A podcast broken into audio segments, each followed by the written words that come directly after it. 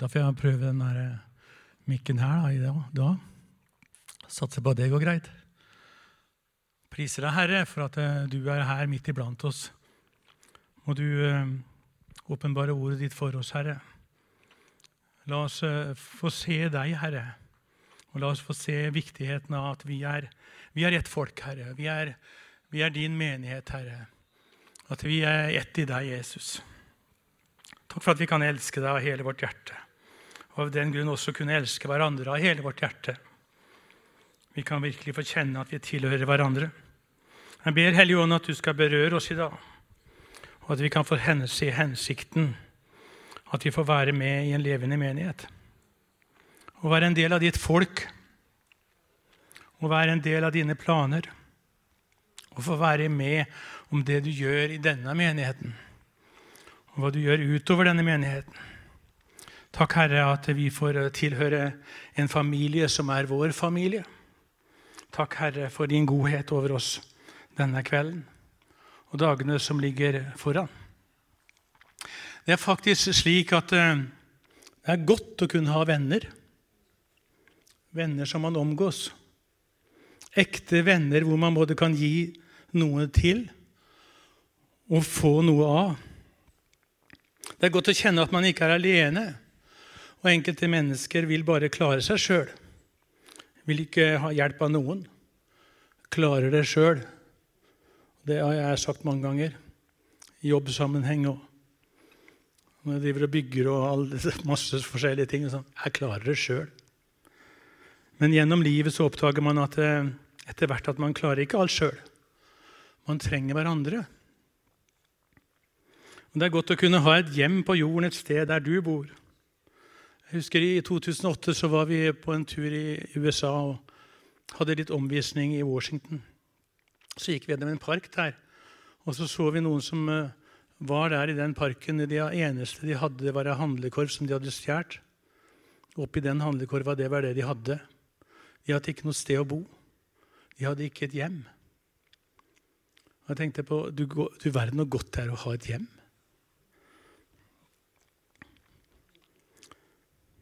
Det har ikke alltid vært enkelt. Alt eh,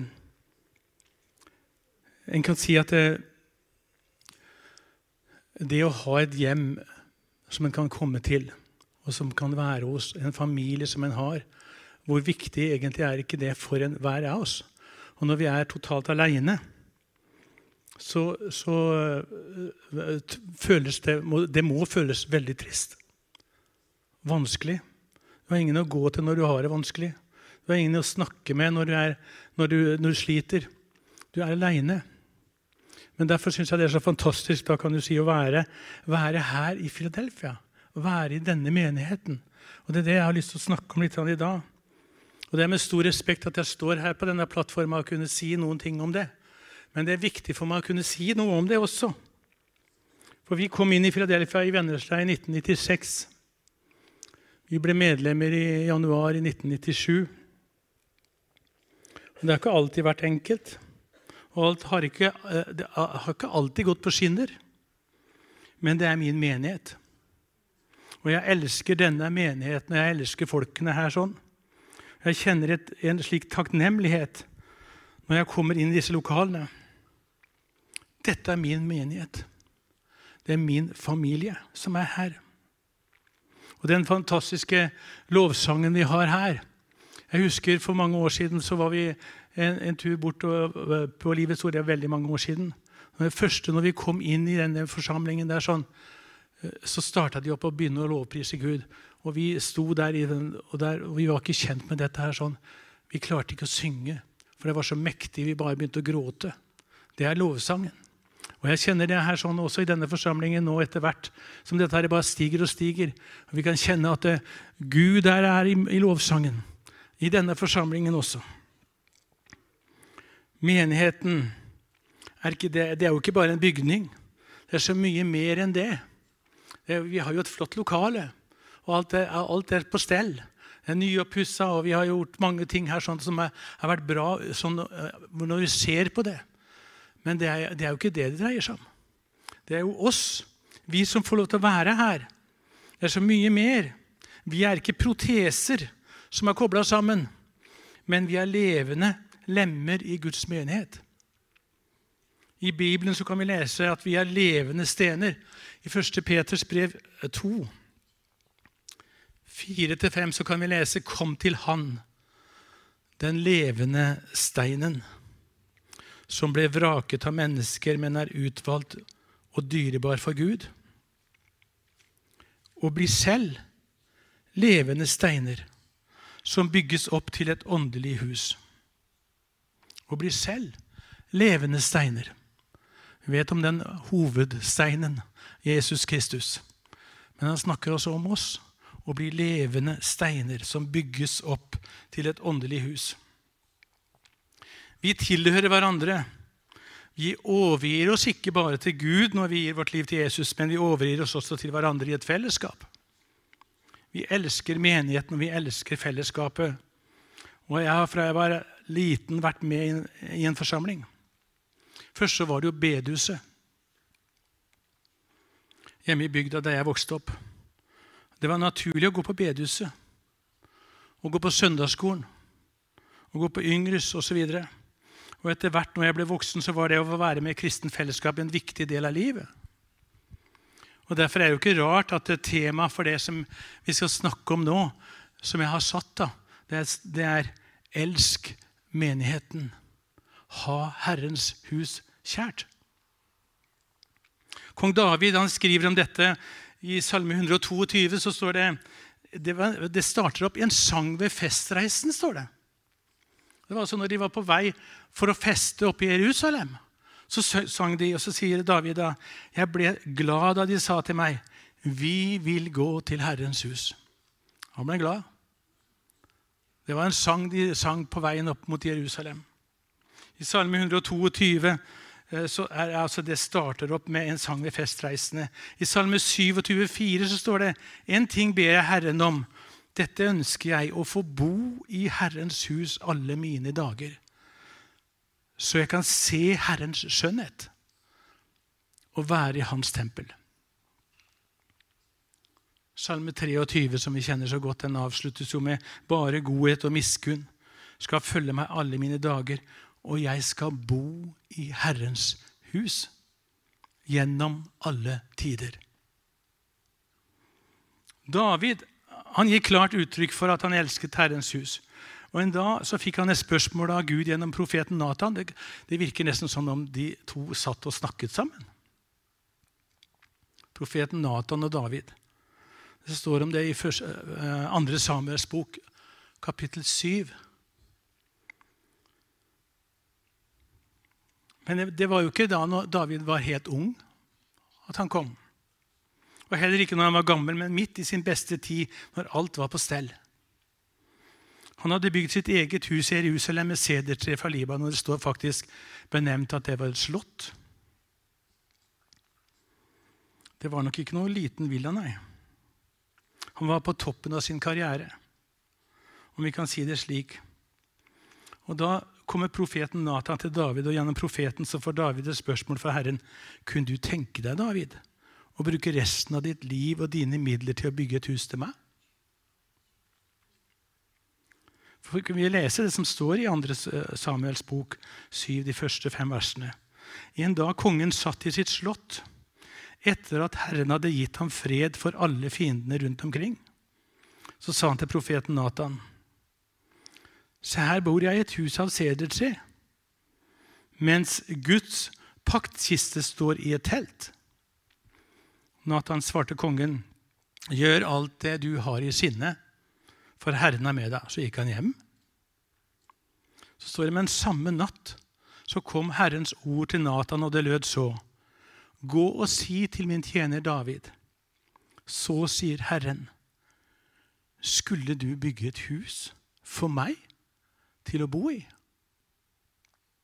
Nå ble det jo ikke David som skulle bygge tempelet, men Salomo, som bygde det senere. Men det dreide seg om, det, det, det dreide seg om, var om David kunne gi sitt hjerte til dette. For det Herren sier i det samme kapitlet, er om du kan tenke deg å bygge et hus for meg, så vil jeg bygge ditt hus.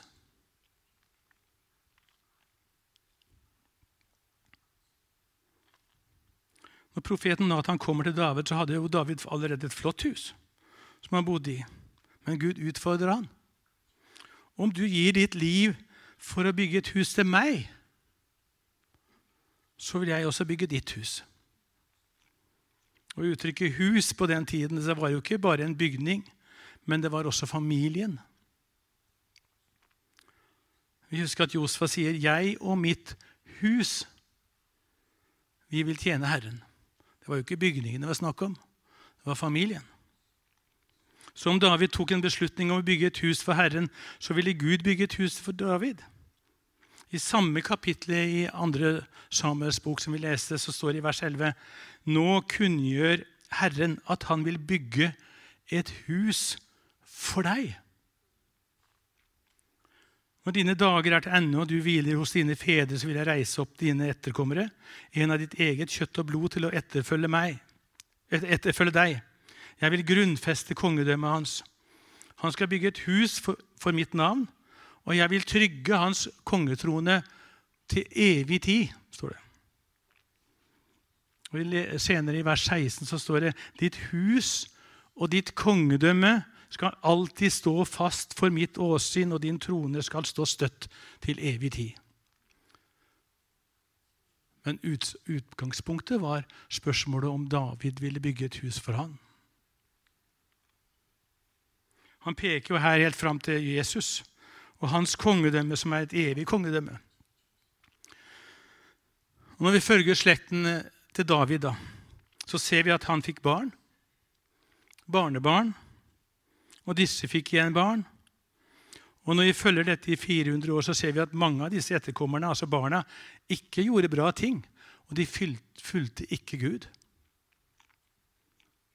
Vi ser f.eks. at en av hans etterkommere, som het Abia, første kongebok, kapittel 15, så står det i, 4, i vers 3-4 så står det Abia fulgte i sin fars fotspor. Rehabiam var jo det.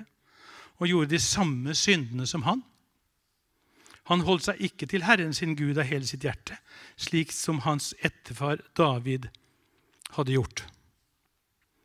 Men så står det Men for Davids skyld lot Herren hans Guds hans Gud en lampe lyse for ham i Jerusalem.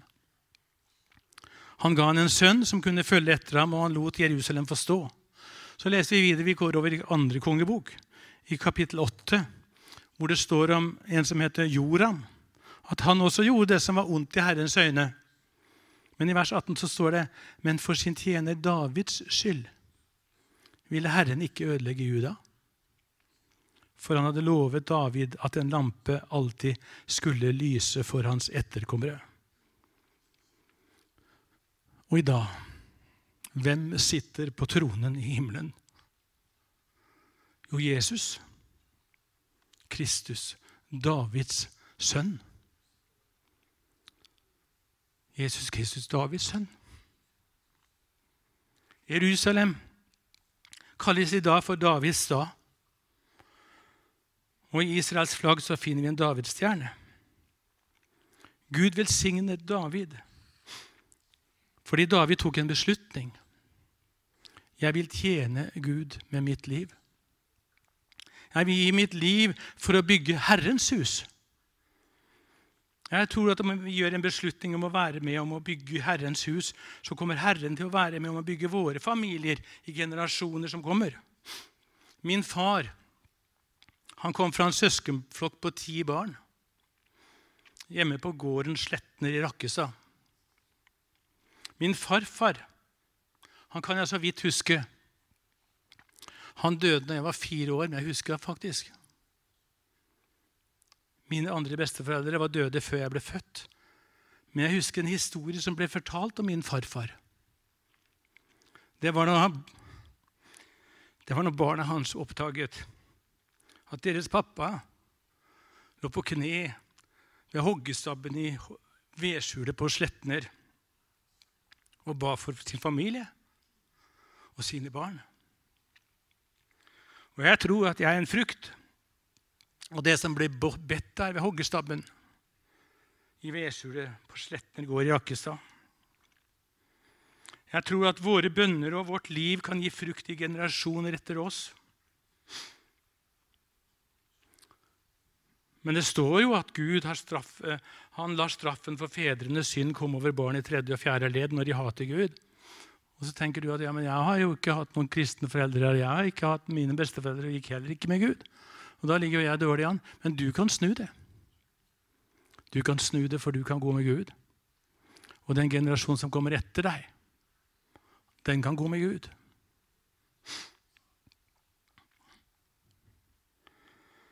For det står i verset etterpå så står det Han viser miskunn i tusen ledd mot den som elsker han og holder hans bud. Han viser miskunn i tusen ledd for de som elsker han.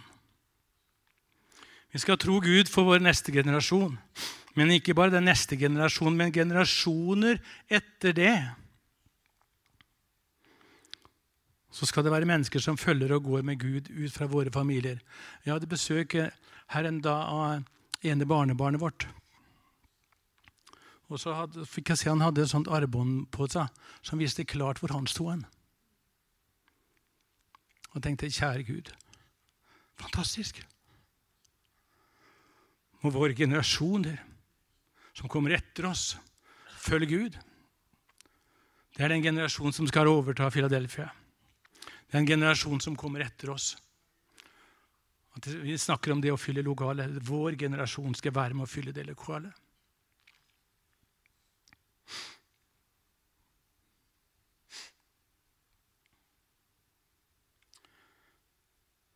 Vi skal be om at uh, vår generasjon som kommer etter oss, skal kunne følge Gud fordi vi fulgte Gud. Vi tok ikke forsamlingen eller menigheten som en hobby, men vi tok del i den med våre liv. Det fins noe fantastisk i dette å få lov til å være med om å bygge Herrens hus. Gi sitt liv, overlate seg til forsamlingen. For dette er min forsamling. Jeg er stolt av Jeg er stolt av min forsamling. Jeg er stolt av min menighet. Men er mangler i denne forsamlingen. Jeg er ikke fullkommen på noen måte. Nei da, det vet jeg meget godt. Jeg har vært med i denne forsamlingen siden 1996. Jeg. Er 26 år. Og Jeg har vært med også i andre sammenhenger før jeg kom inn i denne forsamlingen. Og jeg har aldri til denne da funnet en feil, feilfri forsamling. Men på tross av feil og mangler så finnes det fantastisk å få lov til å være med. Det er fantastisk å komme til Herrens hus på søndag formiddag, eller nå på sommeren, da, på søndag kveldene. Man kan jo gjøre mange ting hjemme. Man kan være hjemme og lage kaffe. Eller man kan gå på stranda. Man kan gå en tur i skauen. Man kan gjøre så mye annet. Det er utrolig hva man kan finne på å velge bort og gå til menigheten på søndag formiddag. Eller på søndag kvelden nå på sommeren. da. Og jeg har snakket Geir om også. Det er fantastisk at det nå i sommer så har vi hatt to møter hver eneste uke. Jeg var på bønnemøte nå på tirsdag, og bønnerommet oppe det var jo nesten fullt. Midt på sommeren. Sola skinner. Kan finne på mye annet. Men vi ønsker å satse på Guds menighet. Jeg husker fra min barndom når vi nærmest ble beordret for å gå på søndagsskolen på bedehuset. Å gå eller sykle disse tre kilometerne og sitte på den harde stolen og høre på den altfor kjedelige søndagsskolelæreren, som på ingen måte hadde lært noe pedagogikk eller fremfølelse av det glade evangeliet til oss små barn. Og jeg husker Vi sang en salme 'Nærmere deg, min Gud'. Den sang vi hver eneste gang, for det var den han kunne, tror jeg. Men det var sånn det var. Og så Når jeg tenker tilbake, så tenker jeg hadde jeg noe vondt av det? Ble jeg skada i min oppvekst av det? På ingen måte. For det var med å bygge noe i meg som la grunnlaget for at jeg senere valgte å følge Jesus. Så tenker jeg på eh, når sommeren er over og formiddagsmøtene begynner igjen, og sånt noe, så tenker jeg Gud velsigne alle foreldre som velger å ta med sine barn til menigheten. Det hadde vært så enkelt å bare la de ligge og sove og heller være hjemme på søndagen. Men må Gud velsigne alle foreldre som velger noe annet. Og om de løper litt rundt de barna, da, om de er litt urolige, hva betyr egentlig det? Det blir iallfall sådd noe i de som kan bære frukt i deres framtidige liv. Det er klart at det er ikke like enkelt. Man kunne spørre var det verdt strevet med å få alle med til menigheten. At det å gå på møter ble en naturlig ting for vår familie.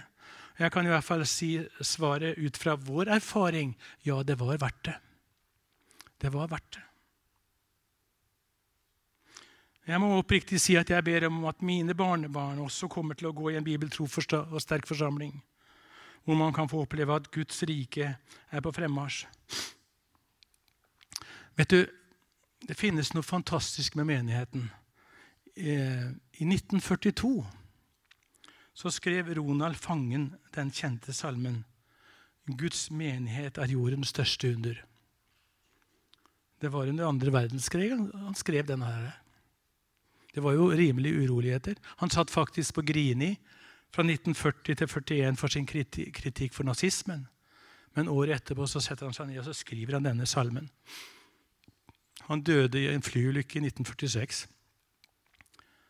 Men etter han så står denne salmen. Jeg har lyst til å lese tre vers fra den.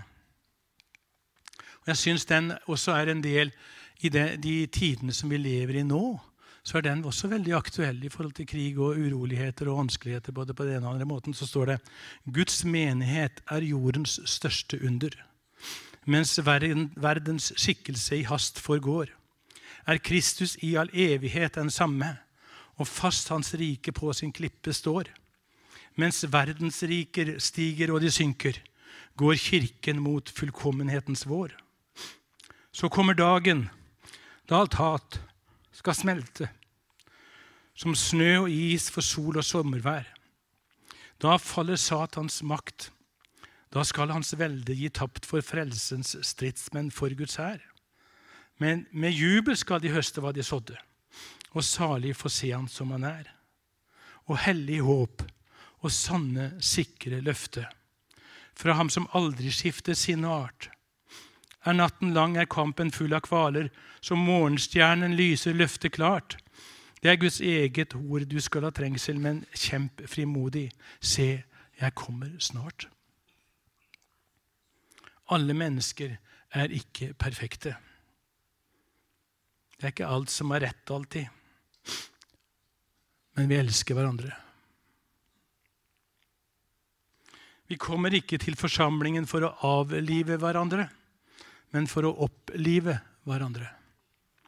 Vi kommer ikke for å forakte hverandre, men for å oppmuntre og akte hverandre. Og akte på hverandre. Vet du hvor jeg møtte Anne Irene første gangen? Det var faktisk på et møte i Strømsø menighet i Drammen. Jeg var ansatt da som barne- og ungdomssekretær i Misjonsselskapet. Så var jeg på et møte her. Det var i forsamlingen at vi møttes. Jeg tror det er viktig å kunne finne sin partner ja, som går med Gud. Slik at vi sammen kan gå veien med Gud. Og ta de riktige valgene sammen, og sammen ta familien og barna inn i forsamlingen. Jeg husker i begynnelsen av 90-tallet så hadde vi opplevd mye med Gud. og Kjente at vi ville noe mer. og Så var vi på tur ned i Danmark, og så sier Anne Irene vi skulle ikke ta et år på Livets ord. Det var jo ganske heftig, da. Vi, hadde, vi var hele familien. Tre barn. I skolealder og hele greia. Men vi bestemte oss for det, og ett år etterpå så reiste vi til Uppsala med altfor nedlessa campingvogn med alt som var av utstyr. Og så ble vi der borte et skoleår. Og det var et fantastisk år. Og jeg tør påstå det at eh, det er grunnlaget for at jeg kunne få lov å undervise på omsorgsskolen i over ti år. Det var mange utfordringer, og ting måtte løses underveis. Men det året la nok grunnlaget for at jeg kunne gå med Gud videre, også når det gjaldt den undervisningsbiten. Jeg har et eksempel. Jeg snakka med Reinert forrige søndag men jeg kunne nevne han. Og det fikk jeg lov til å gjøre. Reinert og Greta Reinertsen. Fantastiske mennesker. Nei, Eriksen, mener jeg. Rein, selvfølgelig. Reinert og Greta Eriksen. Det er bra. Altså. Det er så bra. Men i hvert fall, når jeg ser på de som eksempler som går med Gud Er det torsdagsmøter, så er de ofte, veldig ofte der. Alltid på bønnemøtene. Alltid på møtene på søndagene. De, de er fast inventar. Og Greta sa en gang at eh, vi nesten bor her, vi. Vi er her nesten, nesten hver dag. Så tenker jeg på generasjonen etter Reinert og Greta. Det er ikke så mange som har tippoldeforeldre i menigheten, men det har denne menigheten. Og alle generasjoner går i menigheten. Alle de fem. Generasjonen går i menigheten. Og Det er fantastisk. Og om det kunne være et eksempel å følge etter. Familien er med. Men vi har det så travelt for tida. Begge er i jobb. og Det er aktiviteter her og der. Barna skal kjøres i all verdens aktiviteter og ting og tang. og Det er et forferdelig slit, og det vet jeg at det er det. Men sørg for at din aktivitet for familien også er å gå i menigheten. Og Det er mange, forhåpentligvis, som hører på, som ikke er her også. Men jeg sier sørg for at din aktivitet for familien også er å gå i menigheten. Ordspråkene 22,6 så står det Lær den unge den vei han skal gå. Så viker han ikke fra den, selv når han blir gammel. Det er fantastisk. Lær den unge den vei han skal gå. Er alt så lett, og er alt på stell? Nei, det har vært kamper. Og er kanskje fortsatt mange kamper. Vi nevner ofte uttrykket 'bønnebarna'. Og Jeg tør påstå, uten at jeg vet noe om det, men vi løfter opp disse som vi har skrevet navnene våre på i Bibelen. Jeg tror at mange av de navnene som står der, er våre barn. Våre familiemedlemmer som ikke er med. Som vi ber om og ber for at skal komme med. Jeg tror det. Og da sier jeg fortsett å be. Fortsett å be. Vi behøver hverandre alle sammen. Ingen utelatt. Vi er like viktige for Gud. Om man er pastor eller den som gjør i stand lokalet, både inne og ute, på kjøkkenet og den som vasker toalettene Vi er alle like viktige, og vi trenger hverandre. Vi trenger hverandre. Visst så kan man høre mange flotte taler som man kan finne på Internett. Jeg hører mange taler på Internett. Ja. Men det finnes ikke noe som kan sammenlignes med å komme til menigheten og kunne kjenne fellesskapet med levende, troende mennesker. Det finnes ikke noe som er bedre enn å kunne stå sammen med andre levende mennesker, troende brødre og søstre, hvor man kan prise Gud sammen. Ja, men den predikanten jeg hørte på Internett, han er jo så bra. Og det er nok for meg. Han kan godt være, ha en bra tale, men han kommer ikke til å begrave deg når du dør. Men det gjør din pastor. Men det gjør din pastor. Det finnes noe med forsamlingen som er unikt. Ta vare på din forsamling. Elsk den som den var i et eget hjem. Snakk positivt om de som er i denne menigheten. Be for forsamlingens pastor og lederskap. Be for de som tar avgjørelser i denne forsamlingen. Be for alle de som gjør tjenester i denne forsamlingen, uansett hva det er. Og be for deg sjøl. Og be for de andre. Vær den som alltid kommer med oppmuntring. Og jeg tar det like mye til meg selv som til alle andre. Tenk å komme med oppmuntring. Dette gjorde du bra. Du styrte bra lyd i dag. Du gjorde det bra på plattforma. Maten var veldig god, som vi fikk servert. Må Gud velsigne deg. Vi kunne komme med sånne. Menigheten den består av fantastiske mennesker. Og Hver søndag så ser du noen som står på plattforma, men det finnes masse mennesker i menigheten som ikke står på plattforma, som heller ikke vil stå på plattforma. De ønsker heller å gjøre andre ting. De gjør fantastiske innsatser og er unike for at denne menigheten skal kunne fungere. Mennesker som ikke synes på plattforma, kan gi nytt mot inn i ditt liv. Jeg tenker f.eks. på sveip. Når jeg leser, leser på, på nettsida til Philadelphia, så står det, det Sveip det starter opp med 'Trenger du hjelp til noe?' Eller ønsker å bidra med din interesse, så vil vi ta kontakt med deg. Er det Kristi sinnelag, eller? Tenk på Paulus. Han var fange og hadde anka saken sin innenfor keiseren og var på vei til Rom. Han reiste i båt over Middelhavet, led skipbrudd og var gjennom store vanskeligheter. Så kommer han i land der på stranda i Italia på vei til Rom. Jeg vet Carl Gustav Severin han har, han har, han har sagt, den, sitert den biten der mange ganger. Men jeg må si jeg er også er så imponert. altså. Der på stranda i Italia, på vei til Rom som fange. Tre mil syd for Rom. Det var jo et stykke å gå fra Rom, da. Tre mil. Når han kommer i land der, så står det noen brødre der. De hadde gått i varmen i Italia. Så står det der og sier, 'Velkommen, Paulus'. Og Da står det i Apostelens gjerninger 28, 15. Og da brødrene der fikk høre om oss, gikk de oss i møte derfra til forum Api og Tress Tabernet.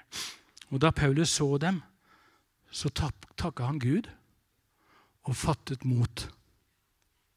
Da han så dem, så takka han Gud og fattet mot. Gud vil at vi skal få nytt mot når vi ser hverandre. Paulus nevner tre menn i 1. Korinterne 16-17. De heter Stefanas, Fortunatus og Akaikos. Hører bare én gang om disse er nevnt i Bibelen. Han skriver jeg er glad for Stefanus og Fortanus og Akaikos er kommet.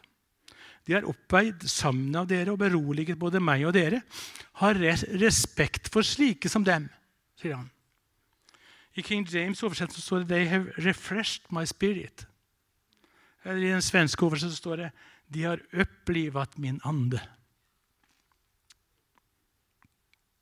Er ikke det som er forsamlingen? Er ikke slik det skal være når vi møtes? Da skal vi oppmuntre hverandre. Gi liv, oppmuntre, gi styrke og glede til hverandre. Man kan ha det tøft. Man kan ha vanskeligheter, men vi finnes der for hverandre. Hva ville gatekirka vært om det bare var Øyvind som var der? Men det er flere som går med. Sammen så kan vi på hver vår måte bære mye frukt.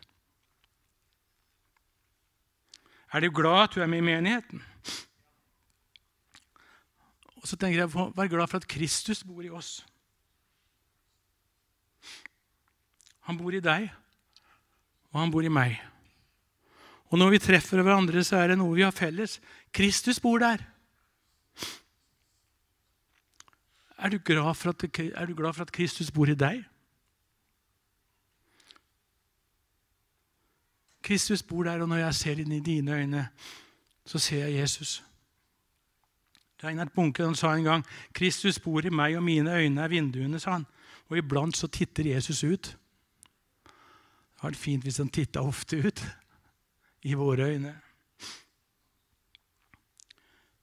Det finnes en Jesus som bor på innsiden av oss, og det er det som er forsamlingen. Jeg er så glad for at jeg får være med i denne menigheten, og mitt ønske er å kunne tilhøre denne menigheten så lenge jeg lever. Det er styrke i at vi har hverandre. Du er nødvendig i denne forsamlingen. Gud vil bruke deg i denne forsamlingen på en eller annen måte. La oss se det som nødvendig og viktig å ta vare på hverandre. Jeg tenker på For å komme inn i denne forsamlingen så er det jo ikke et uh, interesseforetak. Det er ikke Røde Kors vi snakker om. Det er ikke en annen organisasjon eller sånt noe. Men det er en levende menighet bestående av levende steiner født av Jesus Kristus. Født på ny. Derfor, for å komme inn i denne forsamlingen, så må du bli født på ny.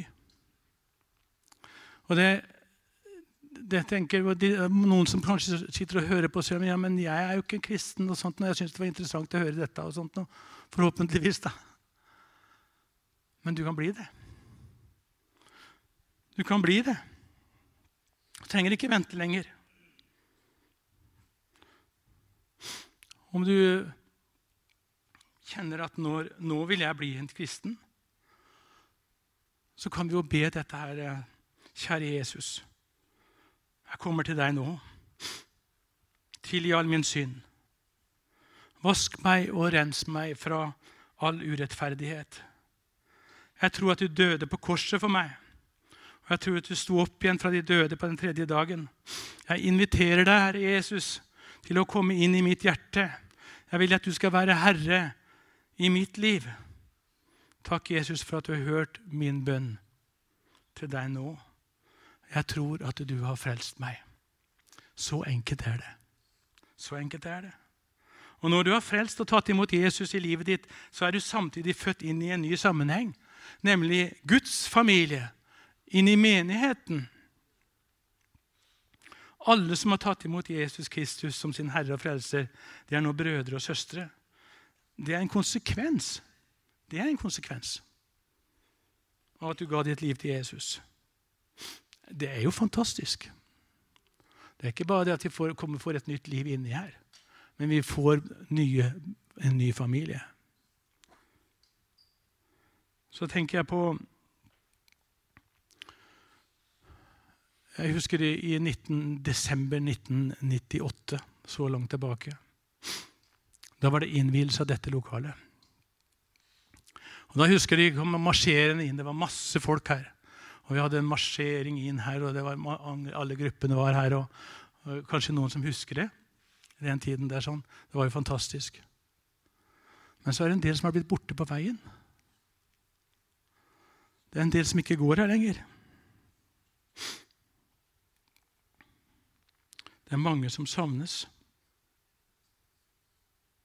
Kanskje du som hører på nå er jo, Dere er jo her. Men det er også noen som kanskje hører på, som ikke er her i denne forsamlingen nå. Som ikke går her fast, men som gjorde det en gang. Har kommet litt på avstand. Du valgte av en eller annen grunn å holde deg borte fra forsamlingen. Og det er blitt så vanskelig å komme tilbake igjen. Det kan være sår som har vært så vanskelig å lege. Bitterhet over ting som hendte. Skuffelser og andre ting som har gjort at du ikke, du ikke er, er, her lenger. Jeg hørte sitert fra en som ikke går her lenger. Han hadde sagt 'Jeg savner Philadelphia'. Jeg savner Philadelphia og det fellesskapet. Jeg tror det er mange som gjør det. Jeg må jo bare si det Kom tilbake. Kom tilbake. Enhver av oss skal elske hverandre. Hebreerne 10, 23-25, så står det La oss holde urakkelig fast ved bekjennelsen av håpet. For Han som ga løftet, er trofast. La oss ha omtanke for hverandre, så vi oppgløder hverandre til kjærlighet og gode gjerninger. Og la oss ikke holde oss borte når menigheten vår samles, som noen har for vane. Det sto faktisk det i brevbrevet også. La oss heller oppmuntre hverandre. Det er så mye mer som dere ser at dagen nærmer seg. La oss oppmuntre hverandre til å komme tilbake til forsamlingen. Jeg vil oppfordre den som hører på, du som hører på, ta steget og komme tilbake. Så syns du det er vanskelig å ta kontakt med noen da, som du har tiltro til, som kan gå med deg. Tenk ikke på hva folk ville si eller tenke. Nå er det en ny dag. Det er en ny dag. Du behøver menigheten, og menigheten behøver deg. I Jesaja 43 så står det i 18. verset Tenk ikke på det som hendte før. Akt ikke på det som en gang var. Nå skaper jeg noe nytt. Det spirer allerede fram. Merker dere det ikke? Jeg legger vei i ødemarken og stier i ørkenen. Du skal vite at det eh, som ikke går her, er savna. Og du er varmt velkommen. Du er varmt velkommen. Vi trenger hverandre. Vi trenger hverandre. Nå blir det kanskje litt sånn alvorlig, dette her, sånt, men samtidig må jeg si det er en fantastisk forsamling. Det er en fantastisk menighet. Og jeg tenker liksom på det som skjer nå framover også. Akt ikke på det som hendte før, og, og, det som en gang var. Nå skaper jeg noe nytt. Og jeg tenker til det som har, vi har snakket om med Guds kraft som skal komme i høst. og sånt. Nå la oss se fram til hva Gud vil gjøre midt iblant oss. Og jeg gleder meg. Jeg ser fram til det. Og Gud skaper tro i våre hjerter for at vi kan få se hva han vil gjøre i denne forsamlingen. Og at vi skal få se at mennesker kommer tilbake som ikke har vært der på lange, lange, kanskje flere år. Og vi skal få se at mennesker blir frelst som ikke har vært frelst før. Og vi skal få se at det er under og eh, undergjerninger og mirakler og, og helbredelser kunne få se i hopetall. Vi skal kunne få se at evangeliet går fram. Og det, vi, vi, skal ikke behøve å annonsere møtene engang, for ryktet skal gå hva som skjer i Philadelphia-menigheten. Vi skal kunne få satse på at Gud kommer med sin kraft og sin styrke. Priser deg, Far, for at du er god, og din miskunnhet varer til evig tid, Herre. Vi takker deg for den tiden vi lever i nå. Hva vi får se som du gjør i denne tiden, og ut fra vår forsamling. Jeg er så spent på hva du vil gjøre denne høsten. Nå går inn i denne tida. Takk, Herre, for framgang, ikke tilbakegang. Takk for at ditt rike vokser, og at vi får være med i det du gjør. Du gir oss tro og forventning, Herre. Vi ber også om velsignelse for våre familier. Og de generasjoner som kommer etter oss, vil være å bygge din forsamling. Amen.